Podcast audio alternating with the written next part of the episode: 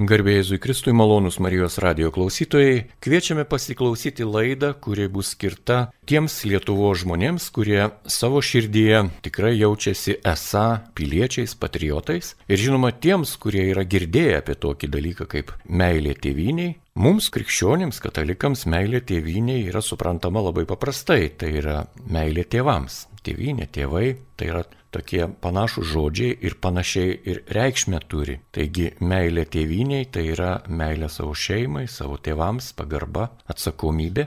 Ir kadangi tai yra meilė, mes žinome, kad meilė nėra vien tik mūsų teisė mylėti, bet yra ir pareiga mylėti. Ir mes prieš tėvynę esame atsakingi, lygiai taip pat kaip ir turime pasirūpinti savo senais tėvais, arba klausyti savo jaunų tėvų, arba gerbti kitus tėvus ir taip toliau, ir taip toliau. Tai čia yra tokie vertybiniai dalykai ir apie šiuos vertybinius dalykus mums maloniai sutiko papasakoti Lietuvos kariuomenės strateginės komunikacijos departamento specialistas Tomas Čiaponis, o jį kalbina Liutauras Serapinas. Taigi sveikinuosi su gerbiamu Tomu, sveiki gyvi. Sveiki. Ačiū, kad atėjote į Marijos radijos studiją ir praplėsite akiratį ir papasakosite, kas yra strateginė komunikacija. Taip, strateginė komunikacija Iš tikrųjų, ganėtinai sudėtingas e, pavadinimas. E, iš tikrųjų, tai yra vakarų kultūros e, sugalvota, pasakyčiau, netgi savotiška filosofija.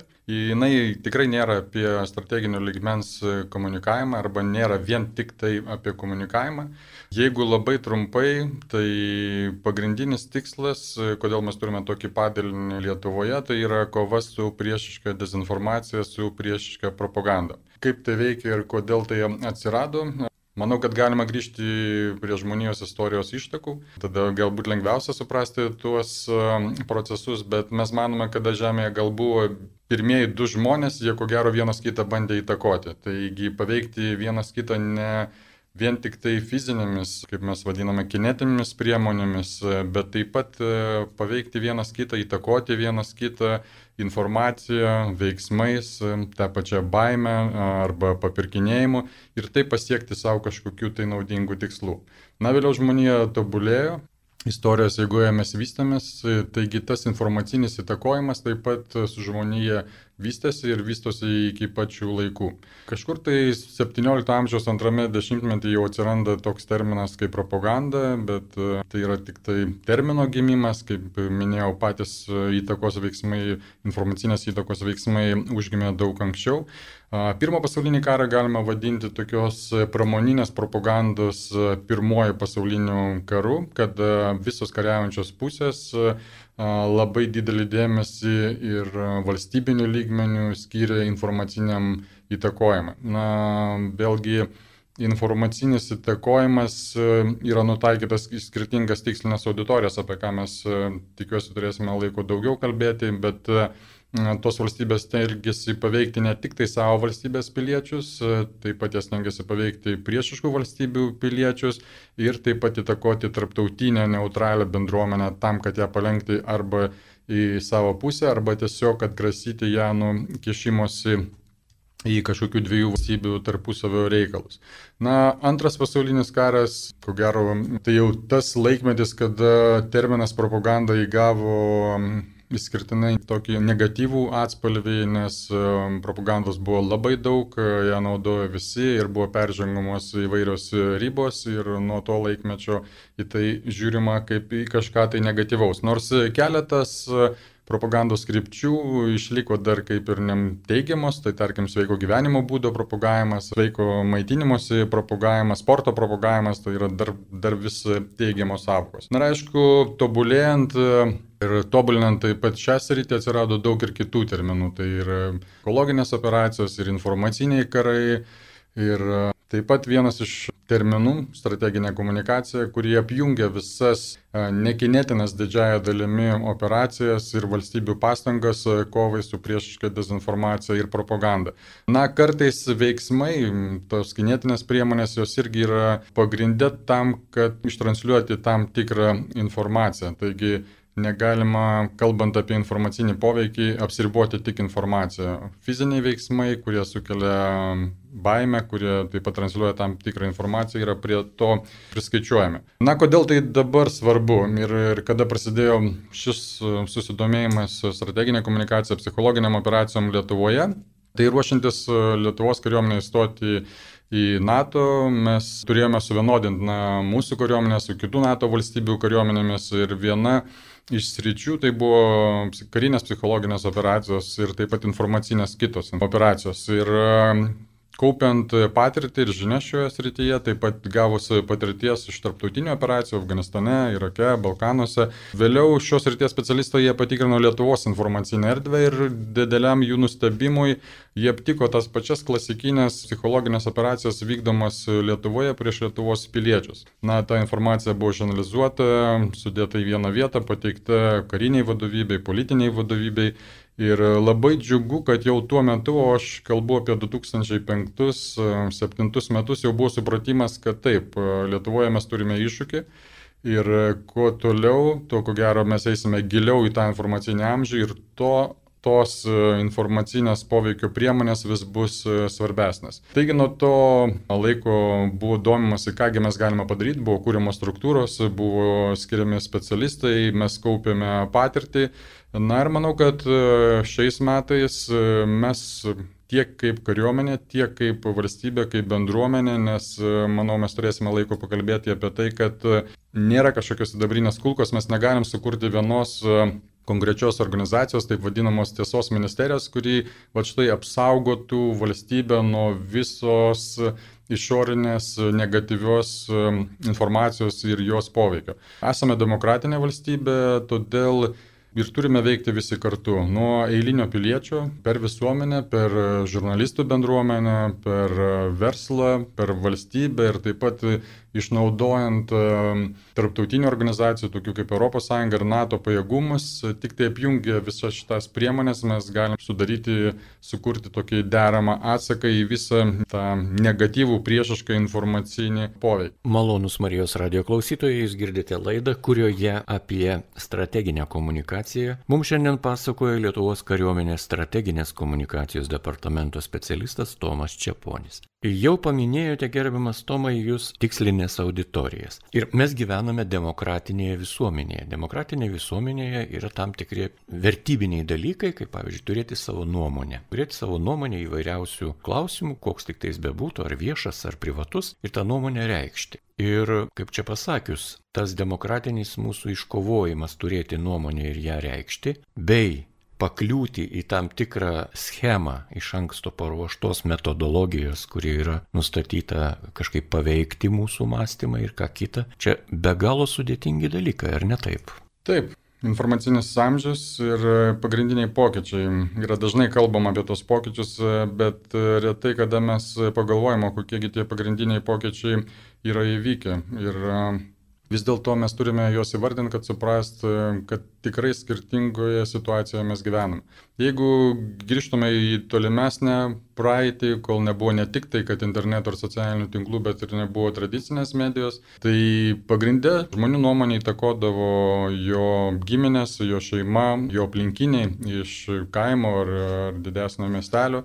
Taip pat kunigas e, iš jo parapijos, na ir taip pat valdovas per kažkokius e, viešus atsišaukimus arba per vietinius bajorus tą žinią juos pasiektų pasiekdavo. Kaip ir minėjau, be abejo, ir tuo metu vyko įtakojimas, taigi visokiai įtakos agentai, bandymas papirkinėti. Labai svarbus ginklas buvo gandų skleidimas. To iš tikrųjų mes negalime atmesti ir šiais laikais. Bet, kaip matome, priemonių, kuriomis buvo galima paveikti ir įtakoti valstybės gyventojus, buvo netiek daug palyginus su šiais laikais. Na, jeigu grįžtume, pereitume į tradicinės medijos laikus, tai radijas, televizija, žurnalai ir laikraščiai, vėlgi yra toks ir komunikacijos fenomenas fenomenas, kada mes gyvename tam televizijos amžiuje, tai po savaitgalio pirmadienį susirinkę į darbą mes galėdome kalbėtis tomis pačiomis temomis, nes greičiausiai mes žiūrėjome tuos pačius televizijos kanalus ir mes matėme kažkokią dainų šventę, mes matėme kažkokius sporto renginius, mes žiūrėjome ko gero tą patį filmą ir tada pirmadienį mes visi kartu galime tai aptarti. Na, atėję į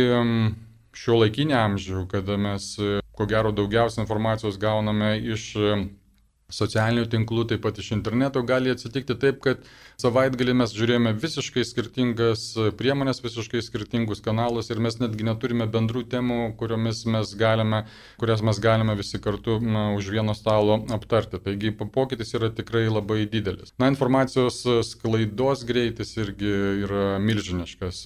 Įsivaizduokite anksčiau, jeigu kaip žmogus, kaip pilietis jūs norite paskelbti informaciją, tai kokios jūsų galimybės.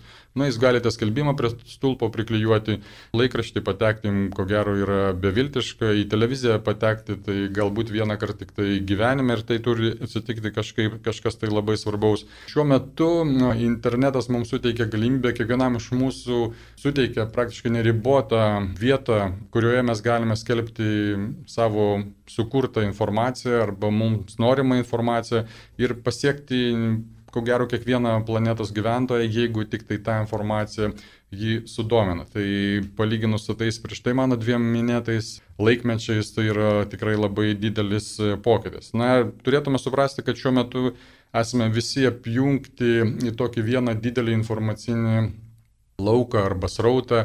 Tai yra gerai ir be abejo, ko gero, kiekvienas iš mūsų mes mėgojamės tom suteiktom galimybėm, bet kartu mes turime ir suprasti, kad yra tikrai daug žmonių, yra valstybės, yra režimai, autoritariniai režimai, kurie puikiai supranta, kaip tai veikia ir jie puikiai supranta, kaip tai galima išnaudoti prieš mus, prieš mūsų demokratijas ir tai daro nuolatos.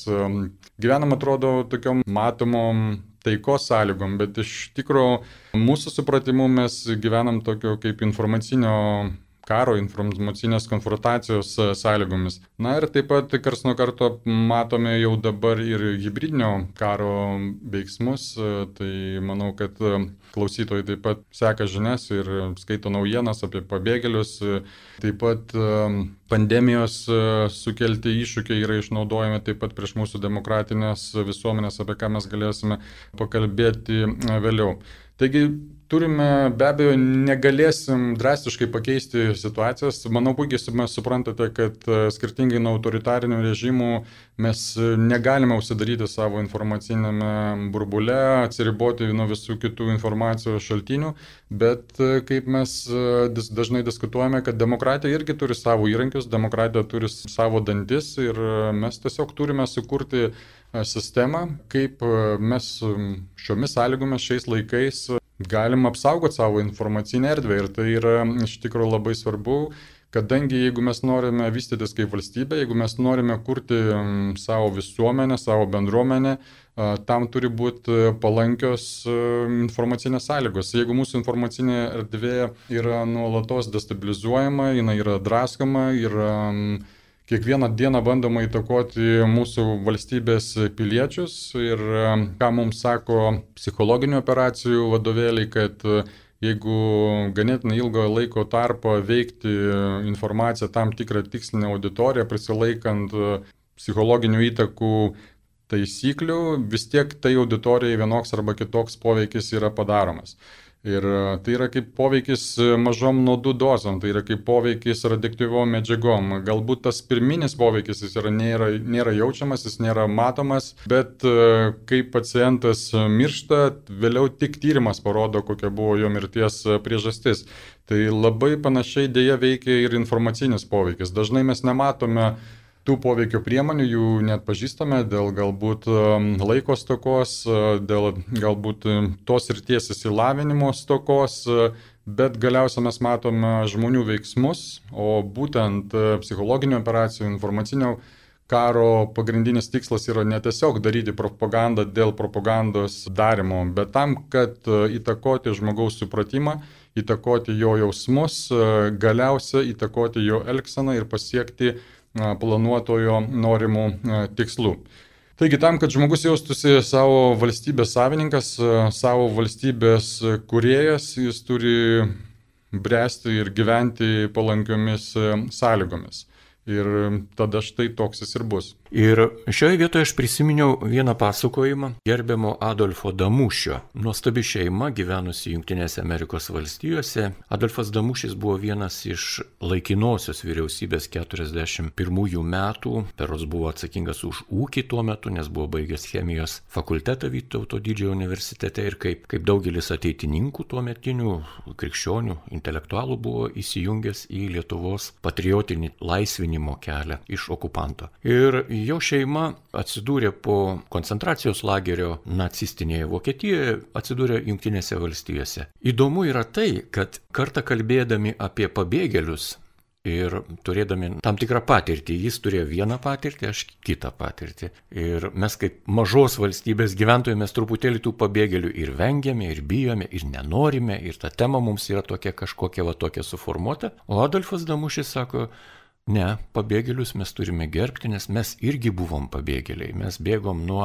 tiek Raudonojo maro, tiek Rudojo maro antro pasaulinio karo metu ir mus priėmė kitos valstybės. Tai buvo ir, ir Austrija, ir Vokietija, ir Prancūzija, ir Italija, ir Australija, ir Junktinės valstijos, ir Kanada. Visas pasaulis, pažangusis pasaulis priėmė mus. Ir to Damušio šeimoje, Adolfo ir Jedvigos Aleksandros, jie abu jau yra mirę. Damušis man ir pasako, sako, buvo momentas, kai mes laidavome už vieną korejietį ar vietnamietį Amerikoje ir už jį laiduojant, tai tą pabėgėlį priimi. Ir jis atvykęs pas mus pasitarė su mumis ir jisai išsikvietė visą savo šeimą. Berods 26 žmonės. Ir tie 26 pabėgėliai gyveno Adolfo ir Jedvigos Damušių būte. Kaip jie tilpo čia kosmosas, vad lietuvis, gyvenantis Amerikoje, jis priėmė tos žmonės, pabėgėlius, jis jais rūpinosi, juos laidavo, visiškas kultūrinis skirtumas, visiškas religinis skirtumas, visiškas kalbinis skirtumas ir taip toliau, ir vis tik žmonės gyveno. Išvada. Adolfas Damušis buvo matęs karo baisumus, buvo praėjęs koncentracijos lagerius Vokietijoje, nacijų Vokietijoje. Dabar gerbiamas Tomai, ką mes darysime, kai visi šitie gyvieji, kurie matė tą karo siaubą, kurie turėjo ant savo kailio patirtį, išmirs natūraliai, jų nebeliks nebeliks tų autentiškų žmonių su autentiška patirtimi. Lėktuvo užgrobimo metu Baltarusijoje mes matėme tiesioginę transliaciją televizijų iš oro uosto. Išlipa vyresnis žmogus, jo klausė žurnalistai, kaip buvo, jis sako, siaubas, košmaras, smurtas, nesiskaitimas, visiškai ir taip toliau. Vyresnis žmogus sako, klausė jaunos mergaitės, mergaitė, oi labai viskas gerai, viskas labai mandagu, viskas labai kultūringa radikaliai skirtingai supranta tą pačią situaciją, kurioje sėdėjo tame užgrobtame lėktuve. Klausimas jums, kaip strateginės komunikacijos specialistui. Ką darysime, jeigu vieni vienaip supranta, o tų, kurie turi suprasti tikrovėje, tiesoje ir realybėje, nebeliks su savo patirtimi.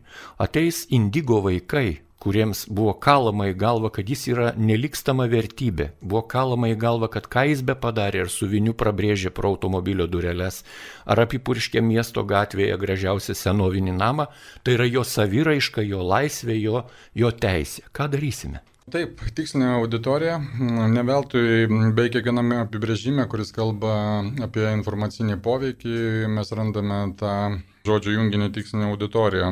Manau, kad turima patirtis rodo, kad tai tikrai veikia, tai yra kažkas tai labai apčiuopiamo ir pilnai tų planuotojų psichologinių operacijų, informacinių operacijų išnaudojama. Na, tokie paprasčiausi pavyzdžiai ir, ir jūsų paminėti pavyzdžiai puikiai tam tinka, kad galima rasti labai daug skirtingų pjūvių, pagal ką galima suskirstyti žmonės.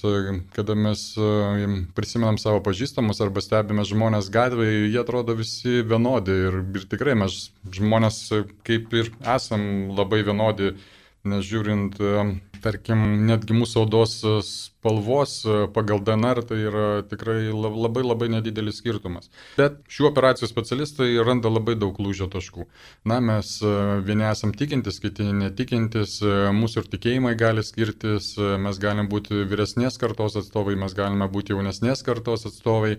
Netgi yra tokie pajokavimai socialiniuose tinkluose, klausytojai gali tai lengvai susirasti, kad 20 būdų, kaip galima padalinti Europą. Tai tiesiog vienoje Europos teritorijoje žmonės yra sunkiai dirbantis, kitoje Europos dalyje yra žmonės labiau atsipalaidavę, labiau tinginiaujantis, vieni mėgsta arbatą, kiti mėgsta kavą ir vieni mėgsta silpnesnius alkoholinius gėrimus, kiti mėgsta stipresnius. Tai ir truputį per humoro prizmę, bet vis dėlto kiekvienas iš tų lūžio taškų gali būti išnaudojamas planuojant įtakoti vieną arba kitą auditoriją. Ir tiek taip kaip priešiškų informacinių planuotojai ieško prieimo prie tų tikslinių auditorijų. Mes planuodami savo atsakomuosius veiksmus taip pat turime ieškoti tų prieimo taškų. Net jeigu pažiūrėtume truputį globaliau, tai kas yra suprantama Lietuvoje, Latvijoje, Estijoje, Lenkijoje, kai taip pat ir kitose valstybėse, kokį mes supratimą turim apie tą pačią Rusiją ir Baltarusiją, nes mes turime geografiškai esame arti tos valstybės, taip pat turime labai daug negatyvios istorinės patirties su tą valstybė. Taigi apie jų ketinimus supratimą mes turim. Tuo tarpu tolimesnėm vakarų valstybėm to supratimo kaip ir trūksta. Tai čia ir mūsų būtų viena iš užduočių. Nuolatos jiems priminti, kad dėja Rusija ir Baltarusija tai nėra demokratinės valstybės, kurios žengia kartu su kitom vakarų demokratijom tobulėjimo kryptimi ir tikrai nėra taikios valstybės. Tai tai, ką mes tikrai galime padaryti. Na, vyresnės kartos atstovai jie prisimenam, kas tai yra karas, jeigu netiesiogiai, tai bent jau iš tiesioginių savo tėvų ir senelių pasakojimo, tuo tarpu, kaip ir vienam straipsnėje buvo prašyta, kad e, kada buvo pristatinėjami trėmimai vakarų auditorijose, kurios buvo nesusidūrusios su tremties, tremties fenomenu, jie sakė, o tai kodėl va čia tai buvo taip blogai, o žmonės tiesiog neįsikvietė policijos. Supratimo, kad nėra į ką kreiptis pagalbos ir niekas tau negali ateiti į pagalbą, jo tiesiog po truputį įsitrina. Taip pat socialinės apklausos rodo, kad tam tikrose valstybėse didžioji visuomenės dalis aplamai ne tai, kad nežino, kaip sunku buvo, tarkim, antro pasaulinio karo metu, bet jie aplamai nelabai gali vardinti, kas tas antras pasaulinis karas. Taigi vėlgi su tokia tikslinė auditorija reikėtų dirbti visai kitaip. Vėlgi, čia iškyla kitas klausimas, kaip ištransliuoti informaciją arba kaip priimti, kaip mums, mums svarbią informaciją atnešti į mums svarbią tikslinę auditoriją. Ir trumpai aš jau buvau užsiminęs apie tas tris pagrindinės kryptis. Tai pirma pagrindinė kryptis, aišku, pati svarbiausia mums tikslinė auditorija, tai yra Lietuvos gyventojai, Lietuvos piliečiai. Bet dėja ir čia nelabai galime pasidžiaugti, kadangi galėčiau tikrai daug išvardinti kanalų, per kuriuos Kremliaus planuotojai labai lengvai gali pasiekti mūsų valstybės gyventojus. Tai tiek televizijos kanalai, tiek rusakalbė spauda, tiek socialiniai tinklai, tiek vakarietiški socialiniai tinklai gali būti išnaudojami tam, tiek ir jų pačių sukurti tinklai kaip Adnaklasnikai, Fkontaktė yra išnaudojami tam įvairūs kultūriniai renginiai, per kuriuos labai dažnai visai netokios žinutės transliuojamos ir, ir begalė, begalė kitų kanalų. Trumpai galime pagalvoti, o kaipgi mums savo žinią atnešti Rusijos ir Baltarusijos gyventojams ir galėtume valandomis kalbėti kiek pokyčių buvo padaryta per paskutinius 20 metų, kaip demokratinė žiniasklaida praktiškai buvo įspirta iš jų informacinės erdvės. Yra dabar kalbama netgi apie RUNETO, taip vadinamo atskiro Rusijos interneto sukūrimą, taigi netgi per socialinius tinklus ir per internetinės platformas mes vis sunkiau galėsime atnešti tą žinutę. Na ir taip pat jų daromos apklausos parodo, kad apie 97 procentus Rusijos gyventojų jie gauna informaciją pagrindai iš Rusijos taip vadinamų informacijos šaltinių, mes juos vadiname dezinformacijos e, praktiškai e, šaltiniais. Taigi mums ten su savo žinutė patekti yra labai sudėtinga. Na ir kalbant apie tarptautinę bendruomenę, tai be abejo esame NATO, esame ES, bet e, kas man galėtų įvardinti lietuvišką televizijos kanalą, kuris yra matomas visose NATO, visose ES valstybėse arba bent jau internetinį tinklapį. Taip labai džiugu, kad tam tikros žiniasklaidos priemonės jos jau verčia turinį į rusų kalbą, į anglų kalbą, tai yra tikrai labai svarbu bet vis dėlto susirasti tą informaciją per informacijos paieškos sistemą temas yra labai sudėtinga. Jeigu jūs patys bandėte, būdami užsienyje, ieškoti informacijos apie Lietuvą, tai galite pamatyti, kad tikrai ne mūsų tie minėti tinklapiai yra pirmoji atsakymų linijoje, bet tikrai daugybė kanalų, netgi tokių kaip Sputnik RT, panašių, jie bus išmetami aukščiau paieškose svetainėse, kalbant apie Lietuvą, negu, negu mūsų esamieji kanalai. Tai vėlgi apie tuos bendrus sprendimus, kaip mes galim priimti bendrus sprendimus NATO ir ES, jeigu mes visi gauname informaciją iš skirtingų šaltinių. Taigi tos trys pagrindinės tikslinės auditorijos ir kaip matote visose mes turime pakankamai iššūkių.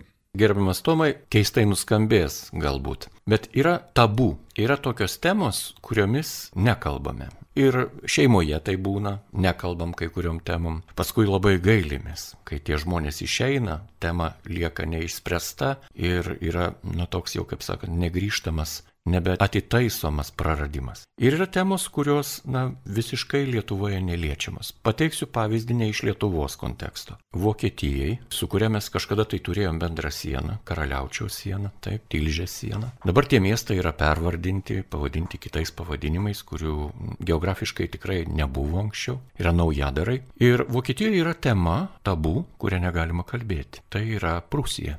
Tai yra ta dalis, kuri jungiasi su mažaja Lietuva, turėjo tam tikrą įtaką ir Lietuvos vakariniai ekonomikai ir kam kitam. Ir Vokietijoje negalima tą temą kalbėti viešai. Tiesiog tabu. Kokia tema tabu yra Lietuvoje šiuo metu? Jautras temas mes galbūt vadintume ją, ko gero, tokių visai uždarų temų, kuriuom visiškai nenorėtume bendrauti, komunikuoti, įvardinti būtų sudėtingai, tuo labiau jeigu tokios būtų, jos būtų tikrai ir išnaudojama. Na, kalbant apie jautresnės temas, propagandojos yra iš tikrųjų labai naudingos, nes jeigu žiūrėtume į klasikinę propagandą, tai propagandos tikslas yra paveikti didžiąją dalimi atveju žmogaus emocijas, jo jausmus ir taip išprovokuoti, išprovokuoti jį priimti neadekvačius sprendimus, taigi taikinys yra jausmai, o ne blaivus e, proto suvokimas. Taigi tokios, aišku, jautrios e, temos e, Lietuvoje tai būtų holokausto tema, taip pat labai dažnai matome, kad stengiamasi ir čia ko gero jau tapo tokia kaip ir Rusijos valstybės pagrindinė komunikacijos linija, tai viskas, kas susijęs su pergalė jų taip vadiname didžiajame tevinės kare, kur ir mes jį vadiname antrojo pasauliniu karu. Tai kuo toliau, tuo labiau mes matome, kad ta komunikacijos ir linija yra naudojama ir mes patys savo užduomdame klausimą, kodėl. Panašu, kad kitos komunikavimo linijos, kurią jie galėtų didžiuotis, kurią jie galėtų pateikti kaip kažką didingo, o autoritariniam režimams ir reikia būtent tokių idėjų kurios vienintų tautą, kurios nukreiptų dėmesį nuo vidinių nesėkmių, nuo ekonominės situacijos prie kažkokios tai bendros apjungiančios idėjos. Ir kada mes tai suprantame, tada matome, kad kiekvieną progą Rusija stengiasi nutemti valstybės į komunikacijos liniją būtent apie antro pasaulinio karo laikotarpį. Labai džiugu, kad ko gero nuo pat nepriklausomybės atgavimo laikų mes taip pat turime savo komunikacijos liniją, tai be abejo Ribbentropo-Molotovo pakto failas, taip pat tai, kad antro pasaulinio karo pabaiga mums tikrai nebuvo karo pabaiga, o tiesiog įžengimas į naują karą, karo karas po karo laikotarpį, tai yra mūsų šlovinga partizanų kova su Sovietų sąjunga. Na ir aišku, šiai dienai taip pat netgi tam tikros teritorinės pretenzijos Lietuvo yra grindžiamos būtent tai, kad tos teritorijos kažkada tai buvo atkovotos antro pasaulinio karo metu, po to dėl to, kad Lietuva neva tai savanoriškai prisijungė prie Sovietų Rusijos, e, mums padovanotas, o kadangi mes dabar jau nebe kartu, tai tos teritorijos turėtų būti gražintos. Bet labai svarbu jiems parodyti, vat, ką didingo jie tuo metu padarė. Mes žinome nuostolius, e, iš abiejų pusių, aišku, nuostoliai yra labai dideli, bet tam, kad parodyt, kad priešas buvo labai blogas ir kad jie buvo labai geri, e, pagrindinis naratyvas, kuris jiem liko, tai yra būtent būtent holokausto tema. Ir labai dažnai kalbėdami apie holokaustą mes e, apsiribojama savo vidinę Lietuvos tokią informacinę erdvę, bet jeigu mes pasinaudotume paprasčiausiais e, paieškos, e, informacijos paieškos įrankiais ir įvestume tą raktažodį, tai pamatytume, kad panaši veikla jinai yra vykdoma ir e, visose aplinkinėse kitose valstybėse Įskaitant e, net tas valstybės, kurios e, nelabai dalyvavo tiesiogiai antrajame pasaulinėme kare, o prisidėjo tiesiog tai logistinę paramą arba a, savo a, kariais. Taigi matome tiek jų strateginėse dokumentuose yra nuolatos platinami tokie dokumentai kaip Rusijos užsienio reikalų ministerijos parengti dokumentai apie neva tai nacizmo atgimimą vakarų valstybėse, apie holokausto neįgymą ir panašius dalykus. Vėliau, aišku, tie strateginiai dokumentai jie gauna savo finansavimą ir perauga į tam tikrus produktus, tai manau klausytojai tikrai yra matę karts nuo karto pasirodančią naują knygą šią temą, kurios sukelia diskus, nemažas diskusijas visuomenėje. Taip pat e, tie, kas stebi Rusijos televiziją, mato įvairias dokumentinės laidas, kur ne va tai autentiškais dokumentais remiama viena arba kita teorija, kuri ganėtinai lengvai yra vėliau paneigiama mūsų istorikų. Taip pat ir labai svarbus yra ir kiti meniniai produktai, kaip meninių filmų, pavyzdžiui, kūrimas. Taigi gan keistai atrodo, kai Rusijos kultūros ministerijos ir gynybos pinigais remiami meniniai filmai apie Lietuvą ir aišku apie tą laikotarpį. Tai kaip pavyzdys galėtų būti meninis filmas Šaltasis tango, kurį taip pat buvo bandoma parodyti ir Lietuvoje. Taigi Ši linija komunikavimo yra iš tikrųjų ganėtinai plačiai išnaudojama ir nuolatos mums priminama. Kada tik tai diskusija pasisuka jiems nenaudinga linkme, jie visus tengiasi nutraukti būtent į komunikavimą apie antrą pasaulinį karą. Na, kaip pavyzdys taip pat galėtų būti ir visai nesenas Baltarusijos pareiškimas apie vieną iš mūsų prezidentų ir, ir neva jo įsitraukimą į ne visai teigiamus veiksmus antro pasaulinio karo metu, kas yra, aišku, visiškas nonsensas, bet taip, tokie įrankiai, tokie veiksmai yra išnaudojami informacinėme kare.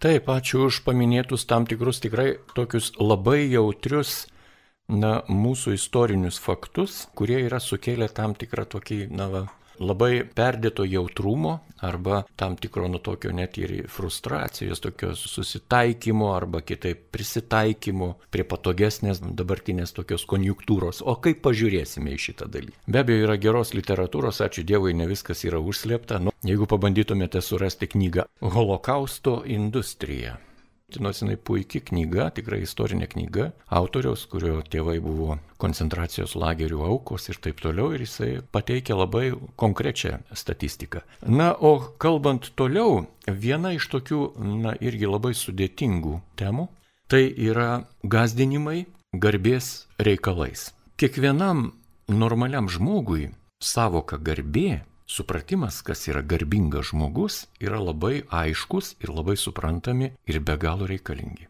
Dažnai pasitaiko tuose hybridiniuose karuose, dabar jie vadinami įvairiais žodžiais, minkštieji karai, ten visokie, kokius tik norim, yra kalbama apie tai, kad Lietuvos kareivėliai, rekrūtai, mes juos taip dabar vadiname liaudiškai, sovietinės okupacijos metu buvo įmami į tarybinę armiją ir tie sa, tie kareivėliai jie duodavo priesaiką. Ir pagal priesaiką, tos priesaikos niekas nėra jiems atšaukę. Pagal priesaiką jie yra prievolininkai. O mūsų kaiminė didelė valstybė su tikrai tokia daugia politinė, daugia kultūrinė, daugia religinė patirtimi, priesaiką laiko galiojančią. Ir tai baugina mūsų vyrukus, kuriems jau šiuo metu yra virš 50 metų, kad jie yra prievolininkai ir jie yra atsakingi prieš tą valstybę, kuri yra perimusi visas teisės, pareigas ir atsakomybės iš buvusios tarybų socialistinių respublikų sąjungos. Gerbiamas Tomai Čiaponė, šito bauginimo priežastis,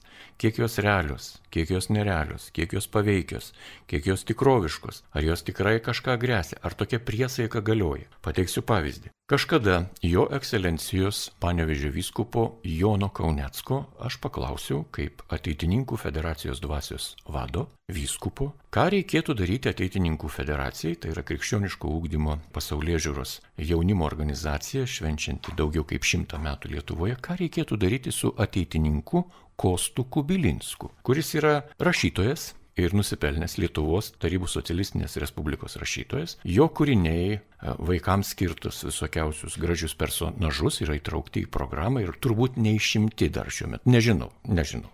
Atsiprašau, nežinau, gal jau ir išimti iš mokymo programų, bet šitas Kostas Kubilinskas pats asmeniškai išdavė Dainavos apygardos partizanų bunkerius du pats su rusų kariuomenės garnizonu atvyko į vietą ir dalyvavo egzekucijoje. Už tai jisai gavo nusipelniusio Lietuvos rašytojo vardą ir būtą Lūkiškių aikštėje. Man teko kalbėtis su Lietuvos rašytojais, kurie tuo metu buvo jo kolegos.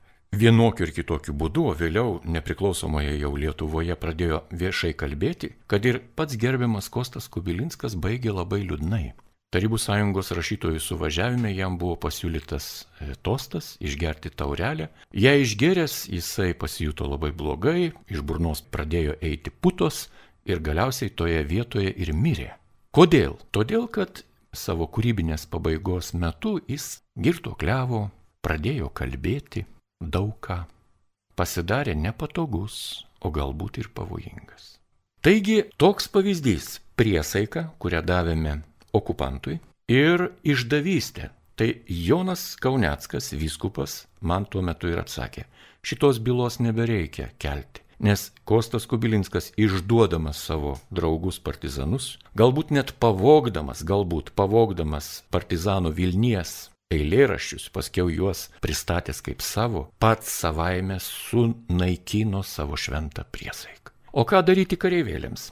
Taip, labai geras ir labai platus klausimas. Mane iš tikrųjų nukreipia keliamis skirtingomis kryptimis. Tai jūs tai paminėjote garbės, vertybių išnaudojimas kare. Vėlgi norėčiau pradėti galbūt nuo tokio aukštesnio strateginio ligmens. Koksgi yra iš tikrųjų Rusijos siekis, tikslas, ką jinai bando pasiekti ką jinai bando sukurti ir manau nuo to paaiškėja kokiais metodais, kokiais būdais, e, kokiam priemonėm ir kokiam jinai disponuoja priemonėm, kad tuos tikslus pasiekti. Rusijos e, neįslaptintuose vidaus dokumentuose mes randam tokį siekį, kad atkurti įtaką regione ir vėliau globaliai ir tapti galios centru. Na, pagalvokime, kaip Rusija galėtų tapti galios centru. Na, tai ko gero artimiausiai konkurentai, artimiausiai iššūkiai Rusijai, jau nekalbant apie Kinę iš vienos pusės, tai būtų ES ir NATO. Aišku, skirtingos organizacijos, NATO labiau per karinę prizmę ir beje, jie labai atvirai ir apie tai kalba tiek prieš, tiek 2019 m. saugumo konferencijoje, tiek šiais metais vykusioje Maskvos saugumo konferencijoje tai buvo labai akivaizdžiai ir tiesiai įvardinta su skaidrėm, su pavyzdžiais aukščiausių Kremliaus režimo vadovų, kad taip pagrindinė karinė grėsmė jie šiuo metu įvardyja būtent NATO. Bet mes puikiai suprantame, kad visi kartu NATO mes esame daug stipresni tiek žmonių, tiek karių skaičiumi, tiek technologijomis, tiek ginkluotės kiekiu. Na, kitas iššūkis ekonominis, aišku, yra ES ir vėlgi Rusija nelabai gaunasi čia lygintis. Rusijos ekonomiką galima lyginti su Italijos ekonomika arba su Ispanijos ekonomika atskirai. Taigi visi kartu ir netgi Italija ir Ispanija nėra stipriausias Europos ekonomikos. Taigi vėlgi nelabai kaip jiem lygintis šioje srityje. Taigi mes tada suprantame, kad e, norėdama pasiekti savo tikslų, Rusija išnaudoja visas jiems e, įmanomas ir turimas e, priemonės. Tai štai čia ir atsiranda tas apibrėžimas hybridinis karas, kuris pagrindai ir reiškia, kad visos labai kartais net nesusijusios su karu priemonės bus išnaudotos pasiekti tokiems tikslams, kuriuos anksčiau buvo galima pasiekti tik tai suprantamomis kinetinėmis tradicinėmis karinėmis priemonėmis. Vėlgi, akademiškai tos visos priemonės yra apibrėžiamos ir įvardyjamos, tai aišku yra politinės, karinės, ekonominės, socialinės, informacinės, infrastruktūrinės ir kultūrinės priemonės. Tai štai per čia mes darome analizę, per čia mes darome pagrindinį stebėjimą.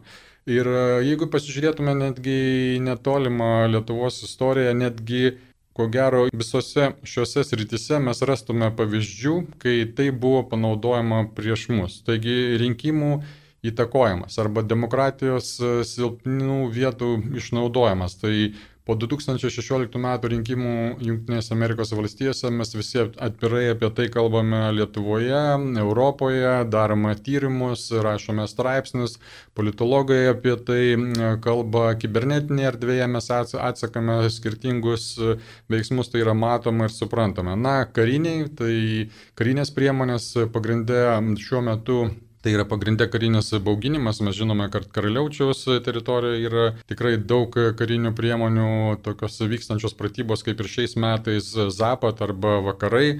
Vėlgi užtektinai daug informacijos klausytojai apie tai turi. Labiau gal pamirštas įvykis, kad jeigu grįžtume į 2014 metus, Rusijos veiksmai vykdant Krymo aneksiją ir vėliau iškart prasidėjęs karas rytinėje Ukrainos dalyje, O iš tikrųjų mes juk pamiršome, kad Rusija permetė didelės karinės pajėgas prie Baltijos valstybių, taip liktai signalizuodama NATO, kad e, mes žinome ir jūsų silpnas vietas ir jeigu jūs mums maišysitės pakojam tame regione, galbūt mes jums sukelsime problemas e, jūsų regione. Ekonominį lygmenį, jeigu prisimintume, tai manau klausytojai prisimena pieno karus, prisimena jautienos karus, o gal net ir prisimena ekonominė blokada mūsų nepriklausomybės e, atgavimo pirmaisiais metais. Taigi ekonominės priemonės tikrai yra išnaudojamas Vėliau socialiniai platmei mes irgi galime matyti daug skirtingų negatyvių veiksmų, kada tiesiog yra bandoma sakyti, kam jūs kūrite savo kariuomenę, kam jūs ją investuojate, galbūt geriau tie pinigai būtų skirti švietimo sistemai, galbūt reikėtų pensijas pakelti. Tai, tai vyksta nuolatos kelius dešimtmečius. Informacinis karas, informaciniai dimensijoje, manau, mes jau nemažai apie tai šiandien kalbėjome. Na ir aišku, kultūra. Kalbant apie kultūros ir sporto svarbą propagandoje, ko gero tai sunkiausiai aptariamos temos, bet jos kartu yra ir labai įdomios. Ir jeigu aplamai apskritai pasižiūrėtume į kultūrą, tai kultūros pagrindinis tikslas yra padaryti vienokį arba kitokį poveikį žiūrovui. Taigi, kaip tik menas ir kultūra yra tie tinkamiausi įrankiai, per kuriuos galima daryti informacinį poveikį. Todėl tikrai nereikėtų savęs apgaudinėti, žiūrint arba klausant ar, ar kitai vartojant Rusijos kultūrinius e, produktus, kad, e, na, aš už, esu užtektinai kritiškai mąstantis ir aš lengvai atseksiu ten esančias e, kažkokias tai įtakos žinutės. Greičiausiai jūs jų nepastebėsite arba ne visas jas pastebėsite ir tikrai jums vienoks arba kitoks poveikis bus padarytas. Taigi grįžtant prie garbės ir vertybių, Rusija šiai dienai save bando pateikti kaip savotiškų vakarietiškų vertybių pagrindinių bastionų, tokia tvirtovė saugotoja. Yra net skirtingi terminai kaip tre, tre, trečioji Roma ir nes vakarų valstybėse vakarietiškas liberalizmas, jisai jau visai nesaugo tų vertybių ir visi, kas yra už tradicinę šeimą, už tikėjimą, žmogaus teisės, įstatymo viršenybę, jie turėtų atsigręžti Rusiją, nes viso to jau nebėra vakaruose, o tai O būtent tai yra Rusijoje. Nors, manau, klausytojai puikiai supranta, kad ko gero ne vienoje iš šitų sričių Rusija kaip tik ir nelabai galėtų pasigirti. Na taip pat jūsų paminėti pavyzdžiai labai taip pat įkvėpia pakalbėti apie simbolius. Simbolių svarba informaciniuose karuose yra tikrai labai didelė. Kaip vienas Lietuvos menininkas yra paminėjęs, kad simbolis yra kaip dinamitas. Jisai turi tikrai labai didelį potencialą savyje ir netgi simbolinis mąstymas yra vėlgi su tuo labai susiję. Mes vertiname jūsų paminėtą rašytoją ir kitų panašių rašytojų kūrinius, išlikusias e, gatvių pavadinimus ir e, skulptūras e, kaip savotiškus simbolius. Ta pati skulptūra, kuo jinai skiriasi nuo, pavyzdžiui, plakato. Plakato paskirtis yra ištransliuoti tam tikrą žinutę. Lygiai taip pat ir skulptūra jinai transliuoja tam tikrą žinutę. Na, mes esame dabar Vilniuje, tai ko gero prieš tokią senesnę istoriją, tai ant žalio tilto buvusios skulptūros, kuriuom mano giliu supratimu ir įsitikinimu tikrai nebuvo ten vieta, tai tikrai nėra kažkokia tai saugotina kultūrinė vertybė, tai yra pagal propagandinę klišę nulietos daugybė egzempliorių sovietinės, ideologinės, tokios, tokie savotiški stabai, kurių buvo pristatyta visoje Sovietų sąjungoje. Tiesiog prisimintume ir Ukrainą. Visai nesenai buvo žinia, kad buvo nuversta paskutinė Lenino skulptūra Ukrainoje, prieš tai nuvertė gal 5000, tai po tiek metų nepriklausomybės nepriklausomybės dar likusias 5000 Lenino skulptūrų Ukrainoje, kai žmogaus, kuris visiškai nieko gero nepadarė tai valstybei. Tai rodo savotišką apsileidimą, tokį pripratimą prie šiukšlių savo kambaryje. Manau, kad mes tikrai neturėtume pritapti, priprasti prie tų šiukšlių. Labai džiugu, kad nemažai tų simbolių buvo pašalinta iš mūsų informacinės erdvės nepriklausomybės pirmaisiais metais, po to mes galbūt truputį apmygome ir vėlgi kažkas sugebėjo ištransliuoti tai, kad galbūt tai yra vertybė, gal tai mes turėtume saugoti, gal tai turėtų mums kažką tai priminti. Tai taip, tie simboliai galėtų būti sudėti muziejuose arba tam tikrose muziejuose atviram ore. Tiesiog kars nuo karto, vieną kartą gyvenime arba kelis kartus gyvenime vaikai, piliečiai aplankytų tas vietas, prisimintų, kokie tuo metu buvo iššūkiai, prisimintų tremti, prisimintų kankinimus, tardymus, visų žmogaus teisų laužimus ir pažeidimus. Ir tai būtų to toks vaidmo, bet ne kiekvieną dieną einant į kavinę ar į darbą ar vaikštant su vaikais matyti Cvirkaus paminklą ir e, galvoti, kad jam kažkas pastatė paminklą, todėl kad jis e, buvo svarbus kultūros veikėjas. Juk paminklas jam buvo pastatytas ne už tai, o dėl to, kad jis, jo ideologija sutapo su komunistų ideologija ir štai jisai buvo savotiškas Kremliaus dainius, tai štai todėl jam tas paminklas ir buvo pastatytas, o jo kūrybinė veikla čia yra visiškai ne prie ko. Bet kaip ir minėjau, statula tai yra matomas, monumentas yra matomas dalykas, bet pas, jeigu pasižiūrėtume gatvių pavadinimus Lietuvoje, manau, tokių rudimentų rastume tikrai ganėtinai daug. Ir grįžtant prie vertybių, yra labai geras terminas vakarų, tai kova arba karas dėl širdžių ir protų. Ir toks atrodo lik ir sudėtingas pavadinimas dėl širdžių ir protų, bet manau, kad abu tie žodžiai yra labai svarbus. Jeigu mes kalbame apie protą, tai mes kalbame apie statistiką, apie skaičius, apie tikras neiškraipytas žinias apie savo valstybę. Ir štai jau virš 30 metų kūrime savo kaip piliečiai savo valstybę ir tikrai turime daugybę pasiekimų, kuriais galime pasidžiaugti. Bet kartais e, tie tikri duomenys mūsų nepasiekia, o štai iškraipyti duomenys iš mūsų priešininkų, jie mus pasiekia ir mums daro tam tikrą įtaką. Taigi gebėjimas rasti patikimą informaciją ir būtų ko gero pagrindinis priešnaudis, jeigu mes kalbame apie protą. Taigi prote mes savo galvoje turime pastatyti savotišką informacinę tvirtovę, kuri sugebėtų atsilaikyti prieš tas informacinės erdves. Bet be abejo, nemažiau svarbus žodis yra ir širdis, tai yra tikėjimas, yra tapatinimas savęs su tam tikra teritorija, su tam tikra kultūrinė erdvė. Ir manau, pasirinkdami tikėjimą, tikėjimą jau prieš daugelį šimtmečių mes e, pasirinkome savo kryptį į vakarus ir turėtume tą prisiminti, turėtume tą žinoti, turėtume žinoti, kad e, turime vienintelę savo tėvynę ir, ir patys atsakingi už savo valstybę, savo tėvynės puoselimą ir kūrimą. Taigi širdie mes turėtume pasistatyti savotišką katedrą, kuri mums padėtų apsaugoti save, savo visuomenę nuo tokios negatyvios, ne faktais paremtos, bet emocijos emocijom paremtos e, informacijos. Taigi, kai turėsime pilį galvoje ir katedrą širdyje, tai tada kaip piliečiai, kaip visuomenė ir būsime atsparus nuo negatyvaus informacinio poveikio, nuo propagandos, e, kursime klestinčią valstybę. Šiais gražiais žodžiais mes ir baigiame laidą, kurioje Lietuvos kariuomenės strateginės komunikacijos departamento specialistas Tomas Čiaponis mums papasakojo apie tai, kas yra strateginė komunikacija ir kas yra protas ir širdis. Jį kalbino Liutauras Serapinas, likite su Marijos radiju.